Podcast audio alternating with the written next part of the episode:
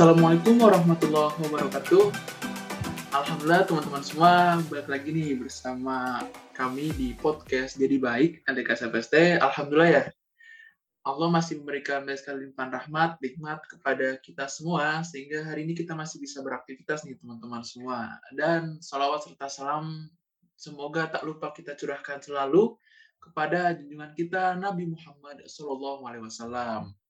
Nah, gimana nih kabarnya teman-teman? Semoga sehat selalu ya, apalagi ini masih masa pandemi. Kesehatan itu nomor satu, agar kita bisa melaksanakan aktivitas dengan semangat dan sempurna. Nah, iya bener banget tuh Mal.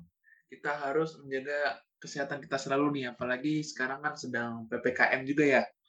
Iya, bener banget itu, Mir.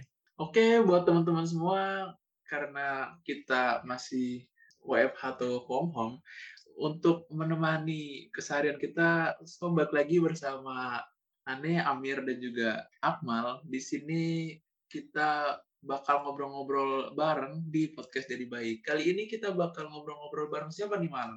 Kita bakal ngobrol-ngobrol bareng saudara kita yang kece banget nih. Dia adalah Zil Mahwa Sunarto. Nah, Zil ini merupakan mahasiswa agribisnis tahun 2020 juga Ketua Forkat Al-Furqon LDKS FST dan juga Sekretaris Divisi PSDM LDKS FST 2021. Nah, kece banget kan? Wah, mantap banget nih narasumber kita kali ini ya, Mal ya. Iya. Oke, teman-teman semua, itu tadi sekilas tentang narasumber kita. So, kita coba kontak. Assalamualaikum, Zil. Apakah sudah tersambung? Waalaikumsalam warahmatullahi Masuk, Amir. Oke, alhamdulillah udah tersambung teman-teman ya. Zil, apa kabarnya nih? Kira-kira sedang ada kesibukan apa nih belakangan ini, Zil? Alhamdulillah baik. Lagi gabut aja nih karena berhubung udah liburan kan. Oh iya. Iya, tapi IP aman nih kayaknya nih, Zil. Gimana? Kayaknya insya Allah aman sih ya. Gimana teman-teman? Aman gak nih? Aneh aman sih. Gimana, Mal? Oh, aneh alhamdulillah. Insya Allah lah. Masya Allah aman-aman aja. Oke, alhamdulillah deh kalau aman-aman semua. Kira-kira kita bakal ngomong apa nih, Mal? Bareng Zil nih. Nah, kalau kita tahu kan dalam sabda Nabi Muhammad SAW, yang terbaik dari kalian adalah orang-orang yang hidup di zamanku, yaitu para sahabat. Kemudian orang-orang setelah mereka, yaitu tabiin. Kemudian orang-orang setelah mereka juga, yaitu tabi'it tabi'in. Nah, dari para sahabat Nabi itu yang merupakan zaman terbaik pada masa Rasulullah. Nah, kita bakal ngobrol-ngobrol nih, apa aja sih yang dapat kita teladani dari kehidupan para sahabat, gitu Mir. Oh, gitu Mal. Oke, mantap banget nih teman-teman ya. Kita bakal dengerin kisah dari sahabat Nabi dari Zil ini nih, teman-teman. Oke, aneh mau cerita nih tentang pertemanan persahabatan dari Abu Darda dan Salman Al Farisi radhiyallahu anhu. Oh, masya Allah. Mungkin teman-teman ada yang udah pernah denger ya tentang sahabat Abu Darda dan juga Salman Al Farisi. Mungkin boleh diceritakan sedikit Dil, tentang biografi kedua sahabat tersebut, Dil.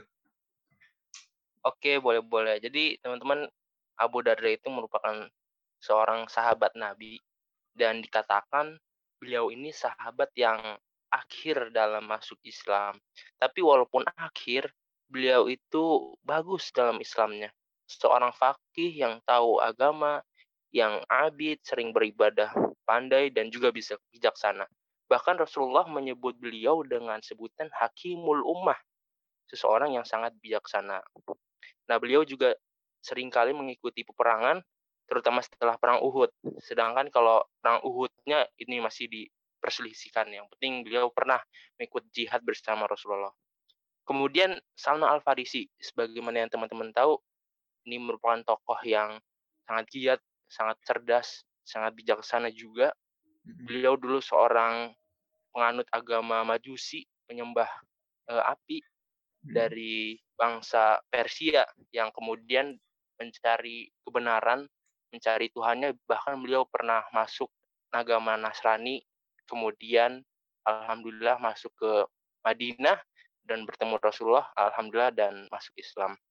Kemudian kita tahu bersama sama Al Farisi ini dari kisah yang paling keren adalah sesosok pahlawan dalam perang Khandaq ya yang melindungi negara Madinah pada kala itu dari Yahudi dengan membuat sebuah ide yang cemerlang yang nggak pernah terpikirkan sahabat lain membuat parit yang kemudian memecah belah dari uh, musuh itu sendiri gitu Mir. Hmm gitu Zil. Nah iya nih dari biografi singkatnya aja nih udah membuat kita takjub dan wah gitu. Nah, apa aja sih kisah dari dua sahabat Rasulullah Shallallahu Alaihi Wasallam ini yang mendengar namanya aja udah menarik gitu untuk kepoin kisahnya. Monggo, Zil. Oke, jadi sebelumnya teman-teman Abu Darda dan Salman Al Farisi ini beliau berdua merupakan sahabat sahabat, saudara yang sangat kokoh, yang sangat kuat dalam imannya. Ketika Rasulullah dan sahabat dari Mekah berhijrah ke Madinah, kita tahu Rasulullah itu mempersaudarakan kaum muhajirin dan ansor. Tapi di sisi lain, ternyata Rasulullah itu mempersaudarakan dua dengan dua. Artinya hmm. fulan dengan fulan, dan misal Amir dengan Akmal, itu Rasulullah persaudarakan. Nah, di sini Rasulullah mempersaudarakan antara Abu Darda dan Salman Al-Farisi. Sehingga hmm. mereka memiliki persaudaraan khusus yang lebih dekat lagi, lebih saling perhatian dan saling menguatkan gitu. Di situlah hmm. mereka bersahabat. Nah, suatu kisah menceritakan ketika Salman Al-Farisi nih berkunjung ke rumah Abu Darda radhiyallahu anhu. Nah, hmm. ternyata saat itu Abu Darda tuh nggak ada di rumah. Nah, yang menyebutnya itu adalah istrinya yang kita sebut Ummu Darda. Namun Salman Al-Farisi melihat Ummu Darda hanya mengenakan pakaian yang kurang rapi. Bahasa kita apa ya? Complang-campling lah gitu. Harusnya beliau memakai baju rapi karena mau menyambut suaminya. Makanya di eh, sebagian besar dari ulama mengatakan di sini dalil bolehnya berbicara dengan seorang wanita atau pemilik rumah selama tidak ada fitnah. Nah, lanjut setelah Salman Farisi melihat pakaian yang digunakan Ummu Darda ini, Salman Farisi dengan kecerdasannya beliau mengetahui bahwa ada tidak beres nih dengan keluarga Abu Darda. Lantas Salman Farisi menanyakan ke Ummu Darda, ada apa dengan kau gerangan wahai Ummi Darda? Lalu Ummu Darda menjawab dengan bahasa kiasan, Akhuka Abu Darda laisalahu hajatun fid dunya.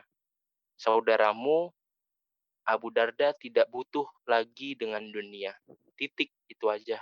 Nggak curhat-curhat, nggak panjang lebar. Tapi walaupun demikian, Salman Al-Farisi cerdas, langsung mengerti. Jadi hmm. artinya suami saya, Ummu Darda itu nggak butuh dengan istrinya lagi. Ngapain istrinya rapi-rapi, ngapain memperhatikan penampilan, uang suaminya aja nggak pernah memperhatikannya lagi gitu. Ketika Salman Farisi paham ada masalah dengan keluarga ini, maka ia tidak pulang. Ia ingin mengatasi masalah tersebut. Maka Salman Farisi pun menunggu hingga Abu Darda datang. Hmm.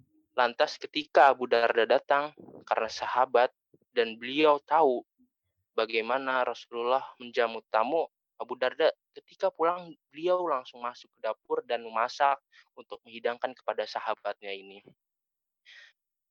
Beliau Abu Darda menjamu saudaranya. Beliau membuat makanan dan dihidangkan kepadanya dan berkata, "Kul, fa inni so'im. Makanlah wahai sahabatku, sesungguhnya aku puasa. Aku nggak bisa nemenin kamu nih, bahasanya gitu. Abu Darda di sini meminta uzur hmm. biar eh, nggak uh, bisa makan dengannya.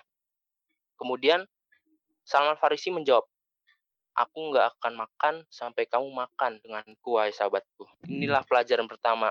Abu Darda disuruh buka puasa. Kalau dalam kalimatnya artinya mau mak harus mau makan bareng dengan Salman Farisi. Makanya ini dalil bahwa seseorang itu boleh buka puasa ketika dia berpuasa sunnah. Hmm. Akhirnya Abu Darda buka puasa dan makan bersama Salman Al-Farisi. Lanjut cerita ketika sudah menjelang malam ternyata Salman Al-Farisi nggak pulang nih ke rumahnya. Salman Al-Farisi ingin menginap di rumah Abu Darda karena beliau ingin menyelesaikan masalah yang terjadi pada rumah Abu Darda tersebut. Akhirnya Abu Darda dan Salman Al-Farisi beliau tidur di kamar tamu dan Abu Darda itu menyuruh Salman Al-Farisi untuk tidur. Hmm. Namun Salman Al-Farisi mengetahui ternyata Abu Darda ingin beribadah. Karena kita tahu Abu Darda itu gila ibadah, beliau merupakan sesosok yang abid. Biasanya habis Isya itu langsung sholat malam sampai menjelang subuh. Hmm. Namun yang dikatakan Salman Al-Farisi adalah, Nam, tidur dulu wahai sahabatku. Ini bukan waktunya untuk sholat. Ini waktunya untuk tidur gitu. Hmm. Ditahan gitu oleh sahabatnya. Hmm. Lalu Abu Darda akhirnya nggak jadi sholat dan tidur bersamanya. Kemudian setelah tidur, bangun lagi nih malam-malam. Dan ternyata Salman Al-Farisi itu masih mengawasi Abu Darda. Hmm. Dibilang tidur dulu, belum waktunya. Tidur aja, tidur. Akhirnya Abu Darda tidur lagi. Baru ketika sudah masuk sepertiga malam terakhir, Salman berkata, kumilan, sekarang baru waktunya sholat malam. Akhirnya mereka berdua pun sholat malam, atau sholat tahajud di sepertiga malam. Setelah mereka berdua sholat malam, Salman Al-Farisi ini menasehati Abu Darda dan mengatakan, Inna li rabbika alaika haqqo. Wahai Abu Darda, wahai sahabatku, sesungguhnya Robmu punya hak. Wali nafsika alaika haqqo. Dan badanmu, jiwamu juga punya hak. Wali ahlika alaika haqqo. Istrimu juga punya hak. Fa'akul ladhi haqqin haqqo. Maka berikanlah masing-masing haknya. Tunaikanlah masing-masing haknya. Nah, setelah mendengar nasihat ini, Abu Darda merasa, ngapain sih teman ini mengomentari aku, ngapain menasihati aku. Beliau kan bukan Rasulullah yang Hmm. belum tentu benar apa yang dia katakannya. Maka segera Abu Darda menuju ke Rasulullah Shallallahu Alaihi Wasallam bersama Salman Al Farisi. Hmm. Lantas Abu Darda menceritakan apa yang telah dinasihati oleh sahabatnya tadi Salman Al Farisi. Namun kagetnya dia, Abu Darda kaget karena Nabi berkomentar kalau Nabi Shallallahu Alaihi Wasallam sodako Salman. Salman benar. Hmm. Temanmu, sahabatmu, Salman Farisi itu benar, wahai Abu Darda. Nah, di sini Abu Darda merasa bahwa apa yang selama ini dilakukannya adalah salah. Nah, Hmm. Perkataan Salman tadi ini kan dibenarkan oleh Nabi Shallallahu Alaihi Wasallam. Maka jadilah itu seperti sabda Rasulullah Shallallahu Alaihi Wasallam yang kita sebut dengan sunnah takririyah, yakni adanya pembenaran dari Nabi Shallallahu Alaihi Wasallam. Makanya ketika kita mendengar hadis Inna li rabbika alaika haqqo bla bla bla sama hakin haqqo itu merupakan omongan Salman sebenarnya, tapi menjadi sunnah takririyah karena Rasulullah itu membenarkannya gitu. Hmm. Nah, plot twistnya gini nih, Amir, Akmal. Gimana tuh? Kan Abu Darda dan Salman Al-Farisi ini berteman. Nasihat dari Salman Al-Farisi ini akhirnya masuk ke dada, ke hati Abu Darda. Makanya setelah itu keluarga Abu Darda romantis dengan istrinya Ummu Darda. Hmm. Plot twistnya itu ketika Abu Darda ini meninggal, ternyata Ummu Darda itu dilamar oleh Muawiyah bin Abi Sufyan. Kita tahu lah Muawiyah bin Abi Sufyan punya paras, punya nasab, punya segala hal yang sangat menarik di kaumnya kala itu. Tapi Mhm. ditolak sama Ummu Darda ini. Ummu Darda itu mengatakan, aku pernah mendengar dari Nabi dari suamiku Abu Darda dari Nabi Shallallahu Alaihi Wasallam, sesungguhnya istri itu bersama suaminya yang terakhir dan aku tidak mau mencari pengganti untuk Abu Darda. Artinya di Hmm. sini. Ummu Darda ingin selalu bersama Abu Darda nanti di akhirat di surganya Allah Subhanahu wa taala masih bisa saling menyayangi dan romantis di surganya nanti. Gitu Amir. Wah, Masya. Allah. Masya Allah. Oke, teman-teman semua nih, Masya Allah banget ya. Kisah dari Abu Darda dan juga Salman Al-Farisi, di mana masing-masing dari kedua sahabat tersebut sudah luar biasa, Masya Allah gitu. Dan ini kisah dari Zil ini benar-benar banyak makna dan juga hikmah yang bisa kita ambil nih. Karena tadi ada banyak banget peristiwa-peristiwa yang terjadi di antara Salman Al-Farisi dan juga Abu Darda nih teman-teman. Kira-kira apa aja nih Zil? Hikmah ataupun makna yang bisa kita ambil dan kita terapkan nih di kehidupan sehari-hari kita nih Zil? Kalau kita penggal perkisahnya tadi itu banyak sekali ya. Dan yang paling penting adalah pertama Islam itu agama yang mempertahankan, yang memperhatikan porsi. Jadi nggak boleh kita melebihkan suatu porsi karena akan menumbangkan porsi lain. Ketika kita pagi puasa, malam sholat tahajud, hari-hari diisi membaca Al-Quran, lantas kapan kita makan, kapan kita bekerja, kapan kita memperhatikan keluarga kita. Kedua, maka seseorang ketika beribadah itu gak boleh pakai hawa nafsu, kita beribadah sesuai dengan sunnah Nabi Shallallahu Alaihi Wasallam. Hmm. Bagaimana sunnah yang benar, bukan hanya kesenangan atau seenaknya kita. Beribadah bukan dengan cara kita atau hawa nafsu kita, tapi harus dengan syariat Islam yang telah diajarkan. Yang ketiga, Abu Darda itu disalahkan Nabi karena sibuk dengan ibadah. Hmm. Beliau hanya mementingkan ibadah dan melalaikan dunia. Bayangkan saja porsi yang lain terabaikan karena beliau ibadah. Apalagi hmm. kalau kita terlalu enjoy, terlalu sibuk dengan dunia, pasti hmm. ini lebih dilarang lagi. Maka kita harus memperhatikan proporsi itu. Mungkin satu lagi tentang persahabatan mereka ya, yang saling menasihati. Abu Darda hmm. selalu menuruti apa yang dikatakan Salman Afarisi karena yeah. pasti Abu Darda tahu itu baik. Gitu. Jadi hmm persahabatan yang luar biasa itu Mir Akmal. Oke, masya Allah banget tuh teman-teman. Baik banget pelajaran yang bisa kita ambil ya dari sepenggal kisah di antara persahabatan Salman Al Farisi dan juga Abu Darda radhiyallahu anhu. Dari kisah yang tadi sudah disampaikan oleh Zil banyak banget hal yang bisa kita ambil ya ketika kita beribadah juga kita harus memperhatikan ya hak-hak keluarga kita gitu. Jangan sampai kita terlalu dalam hal nafsu ya terlalu nafsu dalam ibadah sehingga menggunakan 24 jam kita gitu untuk ibadah dengan nafsu kita gitu. bahkan kita tidak melakukan kewajiban kita gitu ya teman-teman terhadap keluarga kita dan juga sekeliling kita gitu ya teman-teman. Semoga itu semua bisa kita terapkan dalam kehidupan kita sehari-hari ya teman-teman semua. Nah kira-kira nih mal kita butuh closing statement gak dari sahabat kita Zil nih, Mal? Oh iya, betul banget nih. Nah, setelah kita mendengarkan lautan hikmah dari kisah Abu Darda dan Salman Al-Farisi tadi, apa nih pesan Zil buat teman-teman pendengar podcast Jadi Baik ini terkait tema yang diangkat, yaitu seperdua? Masya Allah, lautan hikmah. Jadilah muslim ideal yang sejati yang bisa memanajemen segala hal dengan baik, memperhatikan porsi antara kapan kita beribadah, kapan kita bermain, kapan kita tertawa.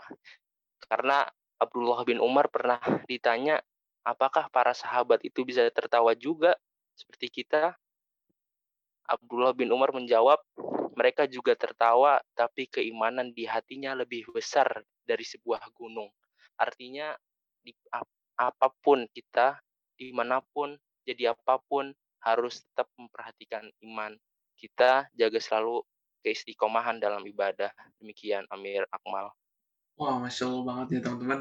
Closing statement dari Zil nih teman-teman. Nah, ini sudah sampai di penghujung podcast kita ya. Kita ucapkan terima kasih banyak kepada Zil Mahfuzur yang telah berkunjung nih ke podcast Jadi Baik dan juga bersedia untuk menceritakan kisah yang luar biasa penuh hikmah ya teman-teman semua. Dan jangan lupa ya teman-teman, kita juga punya media sosial yang selalu update ya Mal ya. Iya benar banget. Ya, teman-teman bisa kepoin nih Instagram kita di @ldksyahid underscore fst. Kita juga punya di Twitter yaitu @ldksfst underscore dan di Facebook kita namanya LDK Syahid FST. Nah, itu teman-teman. Jangan lupa di follow teman-teman ya. Nah, jazakumullah khair untuk Zil. Terima kasih banyak untuk teman-teman semua yang telah mendengarkan podcast Jadi Baik. Sampai jumpa di podcast selanjutnya. Wassalamualaikum warahmatullahi wabarakatuh.